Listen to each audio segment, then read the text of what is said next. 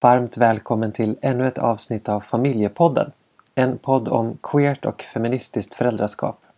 Vi som gör den heter Safir Vurba och Cal Orre. I varje avsnitt pratar vi med en eller flera gäster som alla har olika erfarenheter av föräldraskap och queera och feministiska familjer. Detta avsnitt handlar om att inte förutsätta sitt barns kön. Det handlar om att använda hen som pronomen. Det handlar om genuskreativ uppväxt och om föräldrars könsidentitet. Och dessutom åker Familjepodden på transkollo för barn. Ni kommer nu få höra Cal Orre prata med Fia Eli Roman Hjälte. Ja, vad fint. Då sitter jag här i mitt eget kök med Fia Eli Roman Hjälte eh, som är en terapeut mm. och eh, också har jobbat med eh, RFSL förut. Så mm. vi har faktiskt varit, varit kollegor en gång för länge sedan. Ja. Eh, och du kontaktade oss eh, i podden för några, bara några dagar sedan. Ja. Eh, vill du berätta lite varför varför du kontaktade oss och lite grann om din familj. Vem är du? Mm. Och jag har många frågor. Ja, jag har många. Nej, men jag, jag, först och främst blev jag jätteglad när jag såg er familjepodd. Jag tyckte det var så bra namn också. Det var verkligen bara familjepodd. Inget, liksom, bara så enkelt. Men jag vet ju vilka ni är, så jag kunde föreställa mig fokuset lite för, för podden. Ehm, det var det första. Men sen när jag såg att, att det kommer komma ett avsnitt om, som ni benämner det, genusneutralt föräldraskap, då blev jag jättetaggad eftersom eh, jag praktiserar det. Jag skulle själv vilja definiera det som eh, genuskreativt föräldraskap. Men det ligger väldigt nära och jag vet att ni har Rio som ni använder hen om. Vi har RU som vi använder hen om. Så då kände jag så här, gud jag har massa frågor kring det här avsnittet jag var inte beredd på att bli inbjuden utan det var mer så här, skicka med de här frågorna. Och nu har du ju inte ens fått höra det avsnittet nej, än. Nej, så jag nu vet. är det väldigt... Och jag, egentligen hade velat kanske få göra det, men, mm. men det här blir också jättespännande. Ja, jag tänkte det. Att det är också intressant att bjuda in någon som har ett barn som är lite yngre ja. Eh, och som kanske är där vi var för då fem år sedan. Ja. Och har en del frågor och att man liksom kan prata lite grann om olika perspektiv kring, kring det. Eh, ja. Och vad, vad som det innebär att, liksom, jag vet inte, könsneutral uppfostran eller könskreativ eller genus det finns så många sätt att benämna det Verkligen. på. Liksom. Hur, hur tänker du kring, kring det? Um, jag har ingenting, jag, det är inte så att jag har någonting emot genusneutral uppfostran, men jag tänker att neutral, nu vet jag inte exakt vad Saul säger och man får ju göra såklart sina egna tolkningar men det är ändå någonting som ligger mitt emellan i min värld. Och för mig handlar det inte det får det gärna göra. Alltså uttryck och könsidentitet kan verkligen ligga mitt emellan men det kan också ligga bortom eller vid båda sidor. Nu gör jag citationstecken för jag känner inte att det finns två sidor. Men mm. om ett spe spektrum då, att det finns någonting mer än det i mitten. Jag gillar till exempel feminina uttryck oavsett för att det är så lekfullt, känner jag många gånger. Mm. Um, så jag vill inte ta bort något genusuttryck utan jag vill att alla variationer ska få finnas. Är det så ni tänker kring hur ni Så tänker jag, men så ah. tänker inte Johanna tror jag. Vi Nej. tänker lite olika och okay. vi har lite mm. olika bakgrunder men båda är ense om att hon skulle nog säga könsneutral uppfostran. Det här är min gissning. Mm. Men jag, för mig är det viktigt med genuskreativ uppfostran just för att jag tycker om eh, mångfald och variation. Mm. Eh, och därför blir det viktigt för mig att ja. säga så. Ja, jag tycker inte att det finns något jättebra namn för det. Nej, nej. Eh, queer uppfostran. Ja, det känns ju som jättebra. att det är man håller på med. Absolut. Att, I alla fall som vi gör, att vi försöker att ge en uppfostran bortom kön. Mm. Där man också kan använda sig av olika uttryck från våra liksom, rådande könsnormer men ändå känna att ja, men jag måste inte välja. Och de här sakerna som finns att välja emellan är ju ganska konstiga. Ja. Liksom. Men det, är, det finns Verkligen. inte så bra ord. Nej men för, jag vet inte, för mig så känns det viktiga liksom i den uppfostran som vi gör, eller uppfostran låter också så himla så här, uppfostrande. Mm. Alltså det mm. känns så himla som någonting som man lägger på sitt barn. Men det finns inte så bra Föräldraskap. Föräldraskap kanske är ett bättre ord. Mm. Att inte förutsätta vilket kön Rio kommer att ha eller Nej. definiera sig som. Nej. Och att liksom ge alla möjligheter i det. Och det tänker jag, vi vet ju fortfarande inte. Jag menar Rio är snart sju nu. Mm. Vi spelade in de andra poddavsnitten för ganska länge sedan. Så men nu börjar han närma sig sju. Mm. Och i nuläget så är han ju väldigt tydlig med att hen är hen. Det är så hen pratar om Mm. sig själv. Mm. Men det behöver ju inte vara så hela livet. Eller Nej. liksom, det kan ju ändra sig när som Precis. helst. Och det är vi väldigt också klara med. att så här, Om du känner att du är han eller om du är hon så säg det. Det är inte något... Det är precis lika välkommet. Och det känns viktigt liksom att ha den här öppenheten och att jag önskar kanske också att fler föräldrar skulle vara mer öppna. Man kan säga han om sitt barn hela uppväxten men att man ändå är medveten om att det behöver inte stämma. Det behöver Sen, inte jag bli tycker så. i och för sig att det är svårt, för det är ju så... Det är inte fritt från liksom laddade ord och föreställningar. Därför kan jag ändå tycka att det blir svårt för mig Vad blir svårt? att använda han eller hon Mm. Om ru. För Mm. jag tänker, an- syftet med att använda hen är att jag just refererar till ja, men, vederbörande vars känns vi inte vet. Mm. Men, men får jag bara säga en sak angående Ja, din, din första, den här att vi vet ju inte vad hen kommer att... Hur var det du uttryckte dig? Identifiera sig Ja, som. exakt. Vad hen Mm. kommer att identifiera sig som. Det är ju någonting som vi säger i vår vardag typ hundra gånger. Mm. Som en förklaringsmodell av flera. Men då upplever jag att, då upplever jag att den vanliga tolkningen av den förklaringen är just att Ru kommer att få en könsidentitet. Som, är hen- binär eller? Mm. Kanske inte binär, men fast åtminstone. Att hen Mm. kommer komma fram till ett svar. Är Ja. du med? Ja, och det är inte heller säkert. I alla fall, jag, jag som ser min könsidentitet som väldigt flytande och jag är 37 Mm. och har ingen klar könsidentitet. Nej. Häromdagen fick jag frågan så här, ja, men hur, hur skulle ni ta det om Ru identifierade sig som en pojke? Och den frågan är jätteintressant. Jag skulle inte ha några problem med det, men jag tänker också att i frågan i sig innehåller fler antaganden om kön. Om till Mm. exempel att, ap- apropå binära kön och apropå att kön är någonting fast. Och då är det så svårt att förklara att jo, men det är väl klart att jag har inte emot det. Men jag har emot att man ska förvänta sig att, ja men hela den här, jag har ju svårt för den här religionen, eller vad ska jag säga, den här äh, åskådningen, den här gängse föreställningen om att det finns två kön, de kan vi se utifrån yttre markörer och de är stabila. Och det tycker jag genomsyrar så många frågor. Så är det. Alltihopa Ja, liksom. hela livet Ja, genomsyras Hela lilla livet. av det. Eh, Men det är intressant att du får frågan så här, hur skulle du känna om du ville vara identifierad som pojke?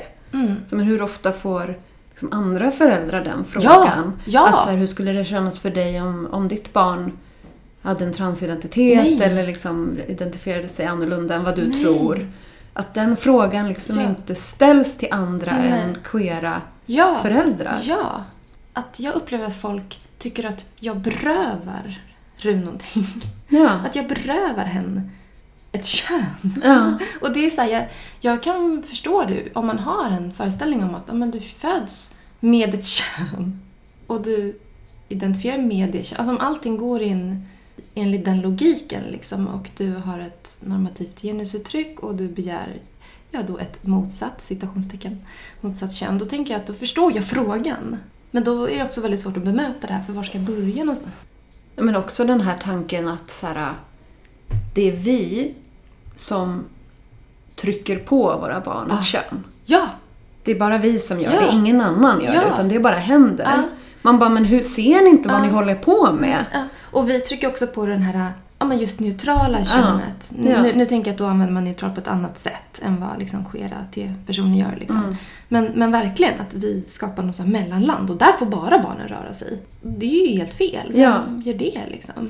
Men också att så här, hela världen trycker ju på sina barn kön. Ja, Från liksom de, till och med innan. innan man har fött det Ja. så är det så baby showers eller vad det heter. Reveal parties heter det nu. Heter det? Ja, jag vet vilka du menar. De har till och med börjat med sådana i Sverige. Eh, där man har liksom gender reveal parties. Ja. Att man så här, åh det blir en Ja. unge med snopp. Fast jag tänker att det Ehm. även börjar även alltså innan graviditet. Förlåt, nu avbröt jag. Nej, kör på. Nej men att jag tänker att det börjar alltså innan graviditet också. Alltså, eftersom de här föreställningarna, de finns ju i, i våra kroppar och hjärnor Mm. hela tiden. Så, så här, vad, vad kommer det bli? Vad önskas vi få? Mm. Att den finns ju med ända tills begravningen och gravsättningen där vi benämner våra nära i form av, inte vet jag, fru, man, alltså Mm. könade kategorier. Ja. Inte bara under vår livstid. Nej. Ja, men jag tycker att det är så intressant att i och med när man, att man bryter mot normen så blir man den som, som trycker på. Ah. Medan man ser bara överallt. Alltså det är det enda Det folk det- gör. Ja, och det är det vi vill komma ifrån. Det är Ja. hela poängen med det här. Ja. Jag tänker att barn är väldigt påverkbara. Gud, liksom, ja. Från när de är små. Ja, och det är inte konstigt att Rio till exempel eh, identifierar sig som hen. Nej. För att vi har ju liksom benämnt henne som hen hela livet. Och det är klart att han då känner sig bekräftad i det och att det är det hen är. Liksom. Det, är inte, det är inte konstigt och det är så tänker jag att alla barn fungerar. Och jag tänker att, Absolut. men att den här öppenheten finns, att det här kan förändras när du vill Ja. och hur du vill. Det är ju det som fattas i andra föräldraskap. Hur mycket formas inte barnen i liksom cis-identifierade kärnfamiljer? Alltså... Ja, hur mycket som helst Ja, tänker jag. Det känns som att hela liksom, interaktionen med barn handlar ju om att bekräfta ett barns kön. I princip. Nu när du är tre och inte längre ett spädbarn så är det flera uttryck som könas jämförelsevis med när hen var liksom ett paket och inte kunde göra så mycket annat än att skrika och tala genom ansiktet. Ehm, Hur menar du? För något som könas till exempel? Jo, eh, att som ett spädbarn, det är klart att man kan tolka ett skrik på ett sätt och ett gråt på ett annat sätt. Att det, men, men jag upplevde att generellt så var folk, hade lätt, folk lättare för att se Ru som ett spädbarn framför ett specifikt kön. Men när du liksom kom upp på benen, lärde sig att gå, började visa preferenser, då började de här preferenserna att tolkas i könsliga termer. Att det där är, nu är hen en pojke eller nu är hen en flicka. Eh, på ett annat sätt än när hen var ett spädbarn. Eh, och då tänker jag att det är väldigt viktigt utifrån mitt sätt att tänka att så här, men återigen, de här yttre markörerna säger ju ingenting om vår upplevelse.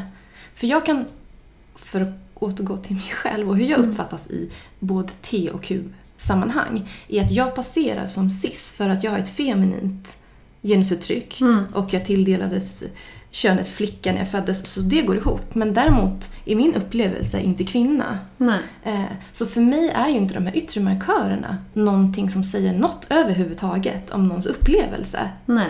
Lång harang. Ja, jag, menar, jag fattar.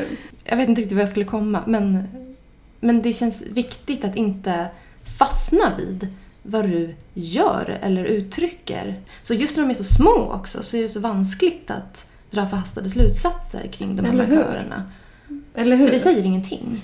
Vad Ja. barnen uttrycker för kön betyder ju inte vad de sen kommer känna sig som. Nej. Och att det inte handlar bara om föräldrar till genuskreativa barn utan även andra föräldrar. Ja. Att man borde vara lite mer öppen.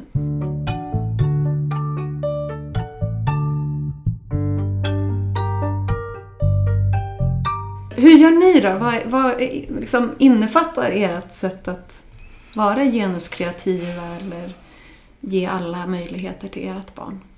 Alltså nästan svårt att ta något exempel för det handlar ju om alltså, vårt sätt att tänka och leva och vara som jag tänker genomsyrar hela uppfostran eller föräldraskapet. Men jag tänker ju att språk är väldigt viktigt. Att jag försöker använda ett språk där jag inte drar slutsatser utifrån ja, men normativa föreställningar hit och dit. Till val av barnlitteratur. Alltså det kan ju vara både i bild och i text. Vi för en kamp på förskolan. Okej. hur, hur ser den kampen ut? Just nu så är det ganska bra. Vi har verkligen vi har pratat med dem och vi har skrivit brev till dem. eh, Och vi har pratat med förskolechefen, vi har pratat med pedagogerna, vi har pratat med vikarierna. Och jag har också skrivit till eh, Stockholms stads jämställdhetstrateg. Eh, och där, efter det, så har det känts som att något har ändrats. För då skickade jag över bollen liksom. Och jag tror faktiskt att det är någonting som... Nu har dialogen börjat liksom gå däremellan. Mm. För jag upplever en stor skillnad. Okej, det är ju skönt. Ja, det är Mm. jätte... Och jag var inte beredd på det, så jag är lite så här chock. Jag vågar inte riktigt tro på det. Nej. Men eh, alltså, vad man själv använder för språk i relation till sitt, barn, det är en sak. Mm. Vilket språk kan man kräva av andra? Ja, Om- men det är jättesvårt. Ja. Liksom. Vi har ju hela tiden försökt få människor omkring Rio att använda hen. Ja. Även om att använda hen inte betyder att folk har fattat någonting. Men det är i alla fall ett steg i rätt riktning. Liksom. Men upplever du att det händer någonting när människor ändå tvingas säga hen? Jag vet Eller? inte Nej. faktiskt. Nej. Ibland, för vissa tror jag att det gör det. Ja, för vissa ja. tror jag att de verkligen är så här. Oj, ja men jag ska inte förutsätta andra saker om Rio. Att Rio är pojke eller flicka. Mm, liksom. mm. Men för andra är det mer så här, ja men jag använder hen men sen så klumpar jag ihop med Rio med de andra pojkarna. Liksom. Mm. Så att det är väldigt olika tror jag från person till person. Det har ju också blivit ändrat sig lite under tiden. Alltså, när Rio var i ert barns ålder och lite äldre så var det som att Rio inte riktigt brydde sig om pronomen. Nej. Hen var så här, men jag, är, jag är hen men Okej. det gör inte något om andra, om folk säger någonting annat. Okej. Eh. För du har inte kommit så. Hen har ingen Nej, preferens än. nej. men det där, Rio var nog lite äldre liksom. Ehm, tre, fyra någonting. Mm. Mm. Så då tryckte vi inte på så mycket. Utan då fick det vara som att folk sa lite hej vilt för att Rio har ett könsuttryck som, som folk kan läsa som lite vad som. Ja, ja, ja. Men nu är det ju viktigare för Rio. Mm. Och så mm. nu jobbar vi ju jättemycket med det på skolan och försöker få fritidspedagogerna att säga hen och att liksom barnen ska förstå. Mm. Och, men det är ju det är ju så... Men det måste ju, det måste ju verkligen... En, alltså, utmaningarna måste ju förändras när Rio själv uttrycker Ja. hen i mitt pronomen. För Ja. nu är ju, jag kan ju ändå tveka så här, jag, För mig är det helt självklart att säga hen just om vederbörande för att Mm. jag inte vet liksom. Men just det här att jag kan inte hänvisa till mig själv. När det, Nej. som, du förstår skillnaden. Mm. Och då blir det svårt. Alla tar inte emot det då på Nej. samma sätt som om det hade gällt mig. Nej. Nej men visst, och det, jag kan förstå det också. Liksom, Ja. att, så här, egentligen borde ju folk protestera mer när man säger han om en litet barn med snopp också. Och säga så här, men hur kan du veta? Mm. Ja, ja. Jag tänker inte säga han om det här barnet. Mm. Kampen har förändrats väldigt mycket. Liksom, att nu känns det viktigare och också svårt liksom, på olika sätt. Ibland undrar jag om vi har gjort rätt. Ja. För att Rio blir felkönad i nästan alla situationer. Mm. Vi behöver kämpa Mm. mycket och hen får frågan hela tiden, är du pojke eller flicka? Och, Jaha, är du hen? Nej, men det finns ju inte, vad är det? Men går hen i första Eh, klass, alltså i mm. skolan nu? Ja. Mm. Och får den frågan ganska mycket. Det har blivit bättre men det, det liksom Mm. går i vågor. Då undrar man så här, gud, det här hade han kanske sluppit om vi hade uppfostrat mer normativt. Och sen kanske han hade varit trans senare, liksom, eller Mm. nu eller när som Mm. helst. Men att, ja, jag vet inte. Ibland så blir jag bara så trött att, att han får Alltså det är, uthärda så det är mycket. möjligt, Liksom. men jag tänker att det är inte säkert. Alltså jag tänker att det vad kommer inte med en normativ uppfostran? Alltså, jag gjorde ju allt för att leva upp. Här var jag och Johanna väldigt olika. Hon var väldigt normbrytande medan jag gjorde allt för att leva upp till de här könsbinära Mm. liksom, rollerna. Då flicka. Mm. Och vantrivdes i det Ja. under hela skolgången. Liksom. Ja, och jag tror ju att är Rio trivs säkert. väldigt bra i, sin, i sig själv. Och i hur hen känner sig. Ah, Men det är ju jobbigt med omvärlden. ja, liksom. gud. Ja, det är det, ju det skitjobbigt med jag. Det omvärlden. var, ja. Hen mår ju väldigt bra i sig själv och har tillgång till saker som andra barn kanske inte har. Och förstår mer av världen än vad andra barn gör. Liksom. Det är ju fantastiskt, alltså, hen är ju fantastisk. Liksom. Och ändå känner att hen kan liksom, ta för sig av, av saker som saker som en väljer att göra inte Mm. avspeglar hennes könsidentitet Nej, nej. utan den älskar fotboll. Liksom. Ja, Den ja, älskar, ja. älskar, älskar allt som har med fotboll att göra. Ja. Och det är ju egentligen, det är ju bara pojkar egentligen. Det är kanske en flicka på skolan som spelar fotboll. Okej, det börjar ändå förändra sig lite tycker man ju. Men, Ja, okej, de tycker ju det. Men det är ju Mm, bara pojkarna som spelar. Och, men det spelar ingen roll för henne. Hen är ju hen liksom. Mm, men hen mm. älskar fotboll. Mm, Ja, men hen känns väldigt trygg i det. mm, mm, Men det är ju jobb, alltså det är vi måste kämpa för varje dag i princip. Och det är ju väldigt tröttsamt att behöva se sitt barn i det. Liksom. Att, inte, att det inte kan få vara lätt. Mitt behov av andra liksom queera familjekonstellationer, det har liksom växt sig starkare. För det, apropå vad vi behöver, liksom, Mm. så tänker jag att det är så otroligt viktigt med, alltså med varandra. Att det gör så otroligt mycket för att man ska orka. Mm. För jag ser ju också, det, det enda problematiska jag kan se i den här uppfostran, det är just det vi möts av. Alltså de här Ja. normativa föreställningarna, det finns ju ingenting i själva uppfostran. Och jag har snarare blivit stärkt i att det här verkligen känns rätt. Det skulle ju kännas helt galet att börja köna nu. Mm. För det får jag lägga till Lägg en, en sak. till precis vad du vill. För jag tänkte att under graviditeten, då var jag och Johanna, vi blev på det klara med att vi skulle använda hen. Sen tänkte vi att vi gör kanske det i början, sen får vi se hur det känns. Mm. Eh, och då hade jag en föreställning om att nej men jag kommer nog börja köna. Jag vet inte hur jag tänkte, men det var någon slags magkänsla jag hade. Kanske för att jag inte orkade stå ut med alla ifrågasättanden. För det var väldigt många som pratade just om mobbing och ja men du vet, tog till den retoriken Mm. liksom. Som var väldigt skrämmande för mig. Eh, men sen när du kom så har ju den här känslan av hen som bebis, som barn. Det känns helt absurt om jag skulle börja köna nu. Och apropå min önskan om att andra ska använda hen, det utmynnar sig också i att det känns som att de inte pratar om mitt barn. Jag vet inte om du känner igen det. Mm. Men om de använder hon eller han om den här tvååringen, då... Okej, det är bättre att växla, helt klart. Mm. Mycket, mycket bättre. Men om man liksom envisas vid ett binärt pronomen, då känns det inte som att de pratar om mitt barn. Nej, Kan du känna igen den känslan? absolut. Det är så, Ja. Men vem pratar de Ja, om? Eller när de säger hon om mig, jag bara... Va? Ja. Va? Va? Vem? Aha! ja. Att det är väldigt främmande. ja, och den känslan har bara växt sig starkare.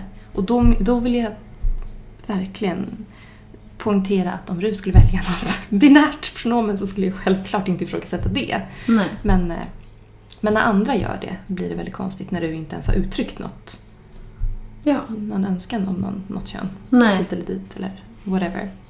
Jag blir väldigt ledsen att folk inte respekterar Rios könsidentitet. Att det känns som att folk skiter fullständigt i det. Och bara så här, nej men jag ser det här. Så jag tänker... Och att det då blir ju som att hen... Att det är fel på något vis. Att hen, Mm. att hen inte vet sitt bästa eller ja, får bestämma själv. Och det är verkligen jätte, jätte...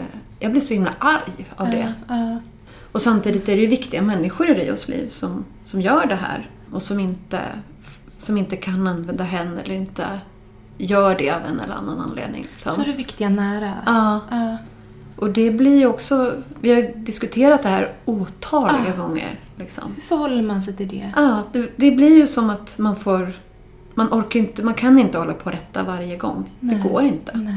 Samtidigt som man också Har får de ta ett, diskussionen. väljer de ett då. pronomen? Ja. De växlar inte Nej, nej, mellan nej. hon nej och- det, är ju, det är ju liksom utifrån vad de tänker att Rio Ah, okej. borde Ah, vara okej. utifrån Mm. kropp. Liksom. Ja, det, det är svårt alltså. Och det... Ja, man får ta diskussionen då och då. Men det går Verkligen. inte att göra det varje gång för då Nej. blir det helt omöjligt. Och gud vad man måste prioritera också. Ah. Från den här listan. Vad Ja. är mest akut? Precis, och det här är människor som är så otroligt viktiga för Ja. Rio. Och i Rios liv och för Rios liksom, trygghet och Mm. liksom, familj. Så att Mm. Det, det, man vill heller inte säga nej men ge ett ultimatum att nu måste du skärpa dig annars får du inte Nej. finnas i Rios liv. Det Nej. skulle ju vara ett straff för Rio. Liksom. Precis. Eh, Jag har, jag har sagt upp relationen till min mamma och det har inte att göra med att hon inte skulle respektera. Jo, hon skulle inte respektera Ru för den varelse hen är. Liksom. Nej. Utan det har ju med vår relation att göra och hennes, vad ska man säga, bristande föräldraskap som är relaterat till att jag har sagt upp den kontakten. Men det är ju också relaterat till hennes kategoriska syn på människor. Mm. Eh, Så jag tänker också att vissa relationer har jag valt bort Ja. medvetet som jag tänker faktiskt skulle skada Ru. Mm. Eh, Men sen finns de här mellan, de här... Ja, men de som är jättebra relationer, som som, är är, jättefina Ja. människor och väl, ger jättemycket... Andra saker. Det är jätte, jättesvårt. Men det tänker jag att alla vi möter. Liksom, alla ja. queera. Man måste förhålla sig till det liksom. Och välja Verkligen. vilka, vilka, är, liksom, vilka är rimliga att ta fighten med Precis. och vilka inte. Och, Och vad hur- orkar vi? Och, Precis, och hur ska jag så pedagogiskt som möjligt formulera mig för att det här ska förstås? För det handlar ju många gånger om okunskap. Ja. Alltså inte ett motstånd på det sättet utan faktiskt en okunskap. Men också ett, eh, jag, jag känner ett så här, att det finns en tanke kring att vi trycker på något Ja, ja, ja det känner jag som är dag. fel att ja. vi gör. Eh, och då vill de kompensera för det. Ja, det är jag rädd för. Jag är svinrädd för den där kompensationen. Mm. Att andra kompenserar för att ge extra av någonting som de tycker att jag inte ger. Ja. Det är jag jätterädd för. Och det har ju vi märkt Ja. av, det pratade jag om också Mm, i den mm. podden med Matt och Dell, att till exempel i presenter och sådana där saker, att Ja. folk kompenserar Ja, eh, på ett sätt som inte behövs. Liksom. Hur gör ni då? Vi har ju försökt att ta upp att så måste du ge varje gång någonting som är så här Ja. liksom könsnormativt. Ja, Eh, ja. det har vi inte riktigt gått fram, Nej. jag säga. För där brukar vi säga från början så här, vi försöker att vara så öppna som möjligt men säger så här, just det här vill vi inte ha. Mm. Så tar man kanske det mest det som prackas på allra, allra mest. Och får vi det, då skänker vi det. Ja okej. det, det, det har vi inte gjort faktiskt. Men det är ju ett sätt. För jag tänker, och det handlar absolut inte om att jag vill så här, dra in eh, möjligheterna för Ru att få använda sig av vissa könskodade saker. Utan det handlar om att hen överbelamras av Mm. de här sakerna. Men det blir att vi så här kompenserar åt andra hållet. Så Ja, här, och då tycker de att vi bara ger åt ena hållet. Alltså du vet. ja jag förstår. Så blir det en så Ja, här, så blir det mer och mer åt båda hållen. Men grejen är att det här, vi, det här pratar jag och Johanna om. Att så här, jag som jag attraheras av maskulinitet men jag föredrar feminitet i alla andra sammanhang.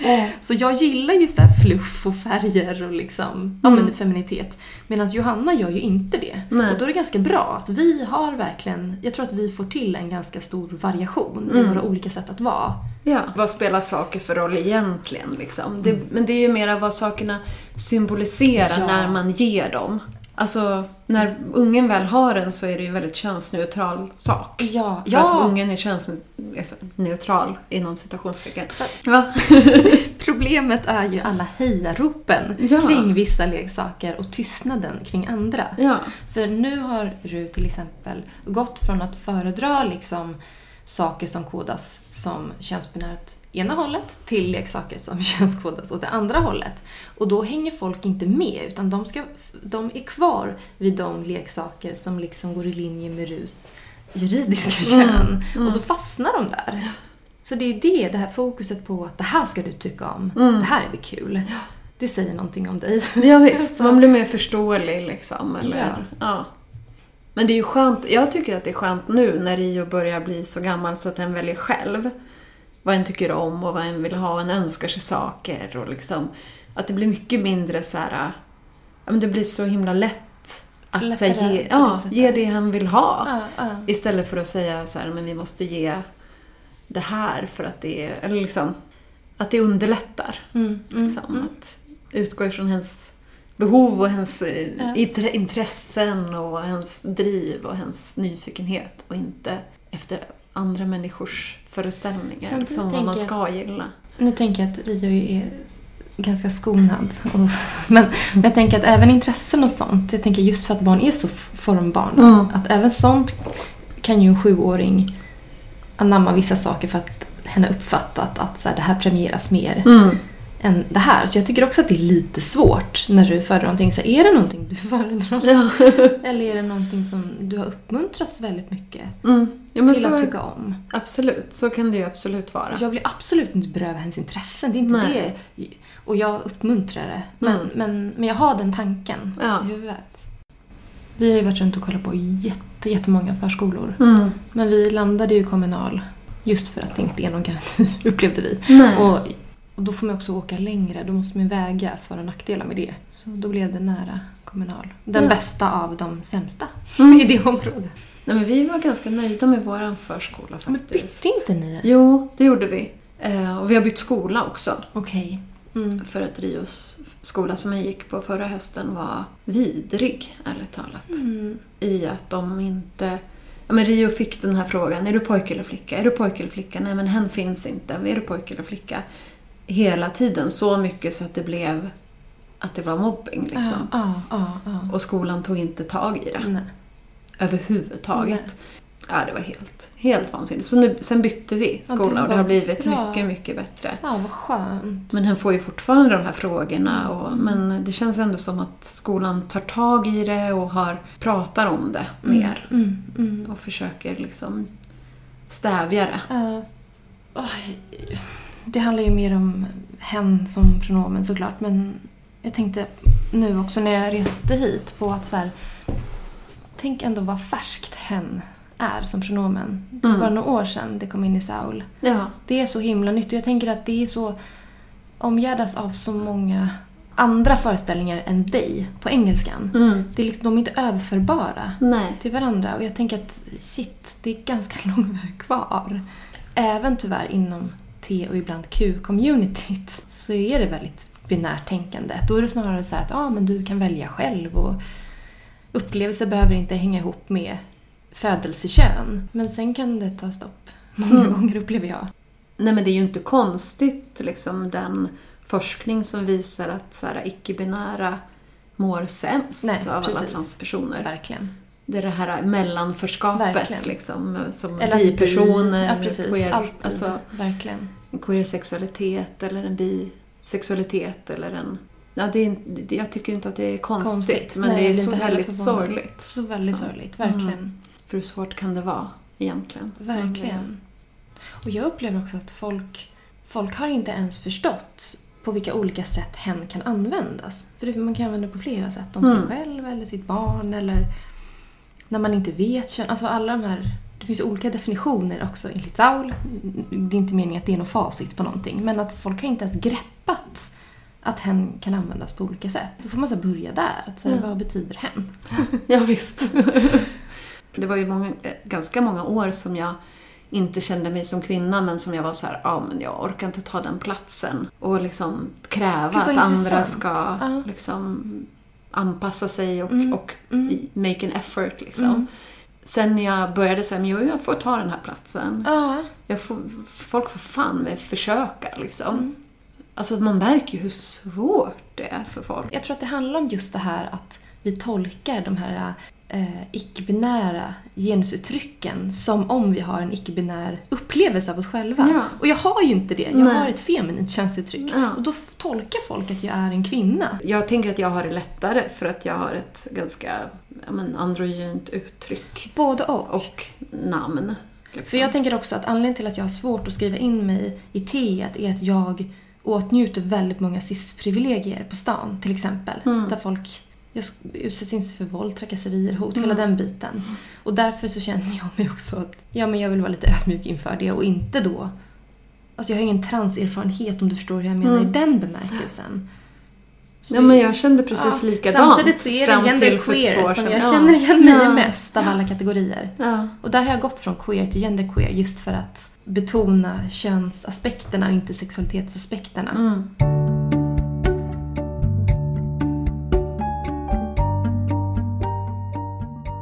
Men får jag berätta en sak som ändrade mitt sätt att se på mig själv? Och, Jättegärna. ehm, Får jag, får jag bara säga en sak innan? ja. Jag känner mig helt... ehm, alltså jag känner mig så ödmjuk inför att sitta här för du är en av mina stora förebilder.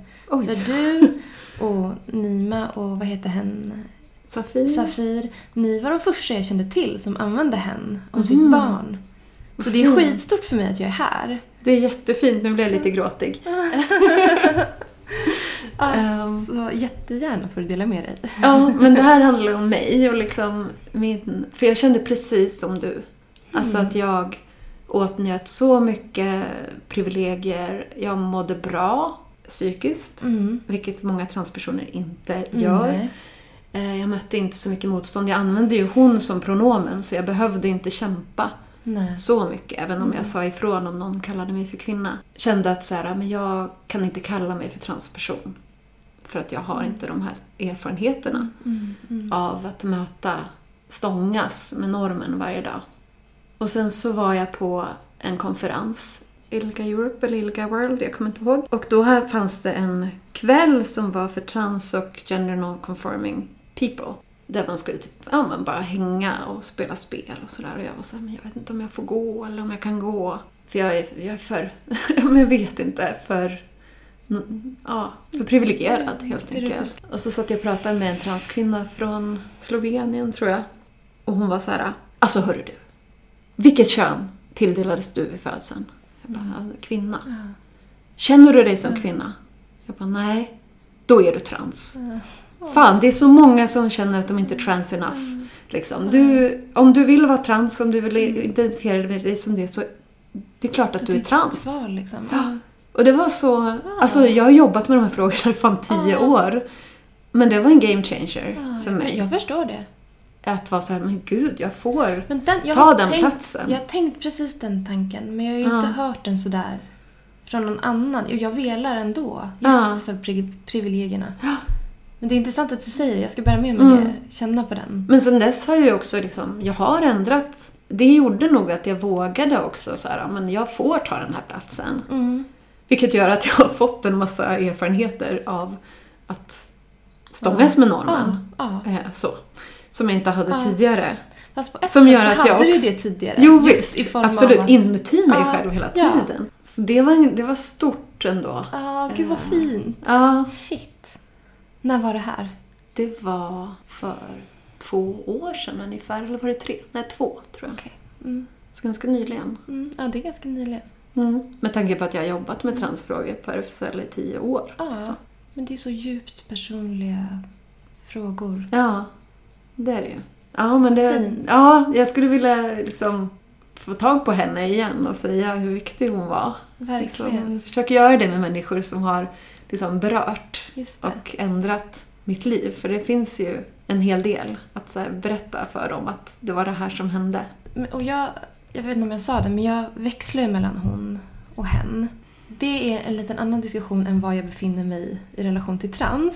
För jag vet inte heller om ett pronomen, vad är det det åsyftar? Liksom? Åsyftar det min upplevelse eller åsyftar det mitt könsuttryck? Mm. För då kan jag använda hon om mitt könsuttryck men hen om min upplevelse. Förstår du? Eh, problemet är att när jag säger så här, ah, de här två funkar, då blir det hon. Ja, då det, så är det ju. Ja. Ja. Nej, för det upplevde jag också. Ett tag så gjorde jag det. Eh, Kanske två månader bara så gjorde jag det, hon Okej. eller hen. Liksom. Men det blev mm. ju alltid hon, så då var det så här, nej för fan, nu får folk, Ja, ja, vad intressant. nu får folk fan mig. Men det, det är inte så att folk fastnar tror du? För jag vill liksom ha möjligheten att röra mig och byta hur jag vill. Jag vet inte faktiskt. Alltså just nu vill jag att de fastnar. För att jag är där jag är. Liksom. Mm, mm. Sen får vi se hur det blir Om det skulle framöver. Men jag är ganska stabil i, i det. Mm. Liksom. Jag läste, är du med i den här uh, Baby International-gruppen om... Det finns en Nej. Parenting eller något Aha. sånt på Facebook med människor från hela världen som använder dig som pronomen Mhm. om sina barn. Och då var det Har en- du startat, förlåt nu avbryter jag dig. Ja, finns jag- det en sån grupp på I Facebook? Sverige finns det också en Jaha. som heter Baby Sverige för oss föräldrar som använder hen om våra barn. Jaha, tips. Så, ja, Ja, ja, vad kul, jag har inte hört talas om den. Nej, det, det är väldigt så här, låg aktivitet i den gruppen så det är ju väldigt roligt om folk går med och Mm. diskuterar. Men det finns en internationell grupp också där det är väldigt mycket som händer. Och då minns jag ett inlägg som var Min uppfattning är att de barn jag träffar som vars föräldrar praktiserar ett queert föräldraskap, hur nu hen uttryckte sig. Deras barn är väldigt, väldigt fina.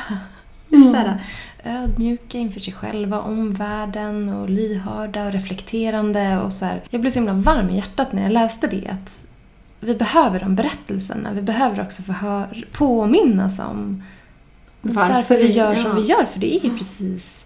Ja, men att, att barn som ifrågasätter normer och förstår att saker kan förändras. Liksom, att det är ju väldigt Tillåtande. barn. Ja, liksom. verk, verkligen. Både mot sig själva och andra. Jag tänker att alla gyn- gynnas av det. Tack så jättemycket för att du kom hit och att du Tack. tog liksom... Ja, jag har tänkt att, vi behöver liksom prata om det här mer.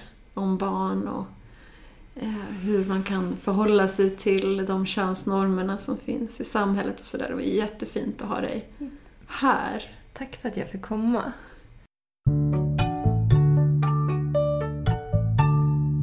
Idag så befinner sig Familjepodden på Transkollo för barn som är ett samarrangemang mellan Transammans och RFSL Ungdom. Och jag sitter här med Jacko. Det är sista dagen på kollot och det är strax dags att åka hem. Tack att vi får vara här och träffa dig. Ja, tack själv. Vill du berätta lite vad eh, det här transkollot är för något? Eh, Det är ett kollo för barn upp till och med 13 år som är transpersoner eller funderar mycket kring sin könsidentitet och skulle må bra av att få diskutera det tillsammans med andra barn som också funderar mycket. Eh, Och vi har hållit på i två år och Mm. det här är det sjätte kollot vi gör. Mm. Hur många barn eh, är på ett kollo? Ungefär 20. Vad, vad händer? Mm, vi har massa så klassiska kolloaktiviteter som disco, paddling, pyssel och lek, fotboll och grejer. Och så blandar vi det med samtal kring kön och normer och trans. Och så har alla barn med sig en vuxen närstående som också får samtala om andra närstående och få lite stöttning och hjälp och tips och tricks och utbildning och så. Varför är det så viktigt med ett sånt här kollo? Tycker du? Ja, men precis. Men det, jag tycker det är väldigt viktigt för att skapa en gemenskap. Eh, vi möter väldigt många transbarn som tycker de känner sig väldigt ensamma. Eh, och känner inga andra transpersoner. Så att det är för att skapa en gemenskap för de här barnen och visa att de inte är ensamma utan att det finns jättemånga andra barn och massa vuxna transpersoner också. Eh, så det är det främsta med kollorna. Sen så är det ju bara nice att åka på koll också såklart. Mm. Jag tänker att jag har ju själv varit med på det här Mm. kollot nu också och varit med som förälder. Jag är ju själv transperson men också varit med som förälder till ett eh, barn som är icke-binärt. Och för mig så har det också varit fantastiskt att vara här som förälder. Mm. Så att vi, föräldrarna har delats in i mindre samtalsgrupper och haft föreläsningar utöver de samtalsgrupperna Mm. och ett annat frågelåda och som ett eget program. Och Mm. det har varit otroligt fint att få träffa föräldrar som föräldrar till transbarn Mm. och se det engagemanget som finns där. Kan ni se någon, vad ska man säga, någon förbättring eller någon förändring hos de barnen som har, eller de familjerna som Mm. har haft både vuxna och barn som har varit på kollorna? Mm, alltså det är det roligaste att följa eh, både barnen och föräldrarna. Eh, så de utvecklas jätte- jättemycket. Mm. Eh, och tydligen så händer det liksom direkt redan när de kommer hit. Det får vi veta bland av föräldrar. En del föräldrar säger så här, mitt barn är så blygt och pratar inte med någon. Och, så här. och här så kanske det är det barnet som är mest utåt och liksom Mm. tar värsta ledarrollen. Att här känner de sig bekväma och, ja, men, att vara och då hittar andra eh, identiteter än kanske det där tysta blyga barnet som finns annars som kanske är rädd för att bli felkönat eller sådär. Mm. Eh, så det ser vi fast vi inte vet om det som ledare och sen efteråt så märker vi väldigt tydligt att de växer och de som kommer tillbaks ser vi också att de är mycket mer trygga i sig själva och har mycket mer framtidstro. Mm. Så en del har möjlighet att komma flera gånger och sådär. Mm, vi vill ju att så många som möjligt ska kunna få åka och att man gärna får åka flera gånger. Men allting hänger ju på hur mycket pengar vi får och så. Mm. Hur ser det ut i nuläget? Vem är det som står för kalaset? Mm, det är lite olika. Jag kommer inte ihåg. Det är tre olika bidragsgivare men vi söker från olika stiftelser och eh, olika myndigheter och sånt. Eh, så det har varit eh, väldigt olika. Eh, men vi är alltid beroende av nya medel. Vi har inga medel för nästa år till exempel. Så Okej. det är en så Mm. nervös väntan att söka och vänta på dem vi har skickat in och se ifall vi får godkänt på någon. Mm. Är du engagerad i alla lägren? Mm. Jag är typ den som alltid är med som så övergripande ansvarig och håller ihop projektgruppen. Projektgruppen är ganska lös men det är framförallt de som hjälper till att söka pengar och eh, se till att vi har möjlighet att göra ett kollo. Och sen är det liksom ledargruppen som gör själva kollorna. Mm. Okej. Det här behöver du inte svara på om du inte vill men Mm. vad, vad betyder lägren för dig? Mm, mer än vad jag kanske vågar erkänna, tror jag. Men eh, jag... Var engagerad i Järvsö ungdom lokalt förut. Mm. Och eh, helt plötsligt, kanske kring 2015, märkte vi att vi fick jättemycket frågor från föräldrar till unga transbarn som frågade så här, vad finns det för verksamhet för unga transbarn? Och då var vi tvungna att svara, det finns inget. Mm. Vi vet alltså ingenting. Det är för äldre barn. Mm. Så att, eh, då kände jag så här, oj, är det så här? Vi måste skapa någonting. Så då eh, engagerade jag mig i Transammans lokalt och vi fick ihop pengar till att göra ett första kollo. Eh, och det känns bara jättefint att kunna ge barnen den här möjligheten och kunna bidra till att de mår bättre och blir lite mer eh, trygga. Eh, så det, det känns jätte, jättefint. Det känns lite som så här, vara med och rädda barnen eller vad man ska säga. att så här, för Mm. en helg ge dem ett tryggt Mm. space där de kan få bli rättkönade och sådär. Och det här första kollot då, det var för två år sedan. Mm. Så, ja, Hösten 2017. det skrivs ju historia här. Jag tänker att Mm. den här typen av lägerverksamheter, aktiviteter som riktar sig eh, till så pass unga transpersoner är ju helt unikt. Mm. Ja, vi känner inte till att det finns någonting i ens nord, de nordiska länderna och Mm. inget annat i Sverige. Så. Mm. Men vi hoppas att det sprider sig. Ja. Jag som förälder var ganska nervös när jag skulle åka hit Mm. och kände så här, oj, ja, men tänk om det... Jag förstår att jag skulle vara uppdelad i grupp med vuxna. Och jag varit nervös. Tänk om det kommer föräldrar som tycker att det är väldigt jobbigt att deras barn är trans till exempel och vill Mm.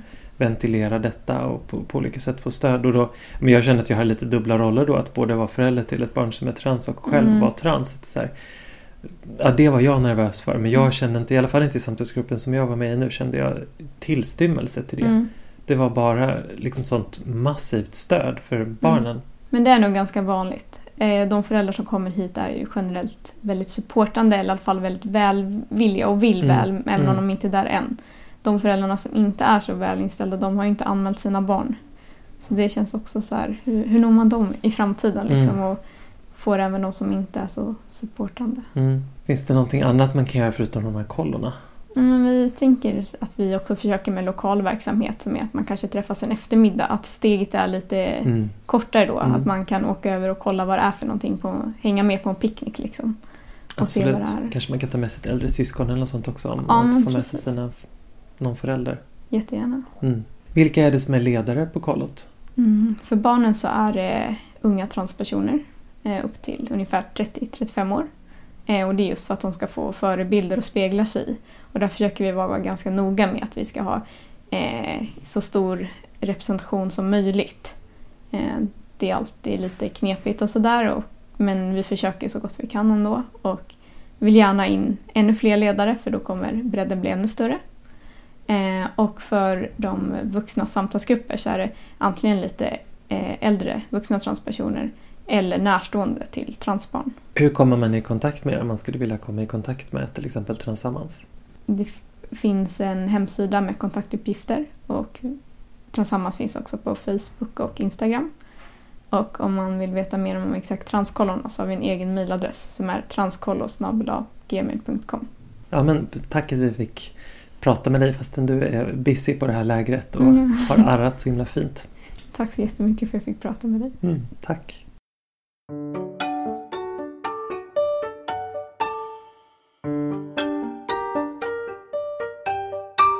Tack att du lyssnat på detta avsnitt av Familjepodden. Om du skulle vilja komma i kontakt med oss eller är en person som skulle vilja prata med oss i denna podden så är det bara att höra av sig till queerfamilj gmail.com så kommer det flera avsnitt längre fram. Tack och hej!